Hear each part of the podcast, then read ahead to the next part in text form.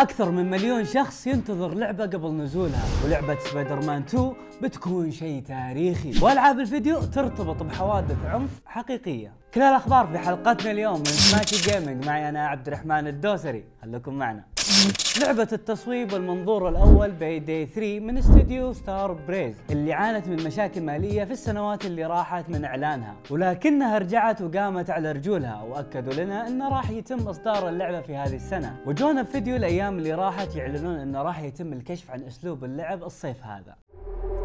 Alright, guys, it's a simple job.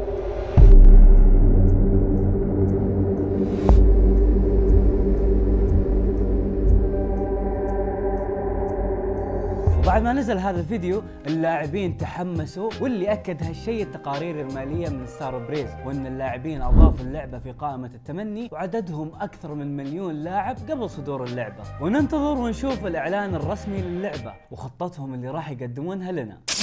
ألعاب الفيديو أو ال games لها تأثير بسيط علينا. تخلينا مبسوطين تخلينا اجتماعيين وتعطينا شعور الإنجاز لما نختم اللعبة أو ننجز مهمة. ونعرف الجدل اللي نمر فيه من سنين بين السياسيين والمؤثرين مع ألعاب الفيديو وإن لها أثر في الجرائم والعنف والمشاكل الصحية مع إن ما في أي دليل قاطع أو واضح بأن ألعاب الفيديو لها أثر في هذا السلوك. وقالوا إنهم ما حصلوا في احدث دراساتهم أي ربط بين العنف في ألعاب الفيديو والعنف في العالم الحقيقي. ومن النتائج الصادمة اللي ما حد يتوقعها انه صار في انخفاض في معدلات الجرائم بعد صدور أي لعبة مشهورة فيها عنف. فهذا يدل على أن الألعاب هي المنفذ للميول العنيفة بدل ما يكون حافز للجريمة. وعشان كذا في الألعاب يكون في التصنيف العمري وأن كل لعبة لها مستهدفيها. وأن آثار العنف هذه تترتب على أشياء كثير مثل التفكك الأسري والبيئة المحيطة والأصحاب وغيرها أنتم إيش رأيكم بالموضوع؟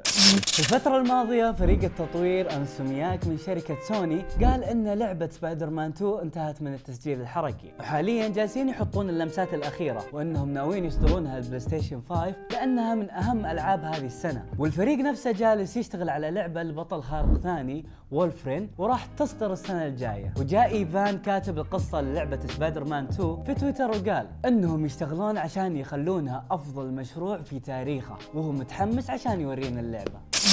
وهذه كانت آخر أخبارنا في سماشي gaming معي أنا عبد الرحمن الدوسري. لا تنسون تشتركون في حسابات سماشي ونشوفكم الخميس الجاي.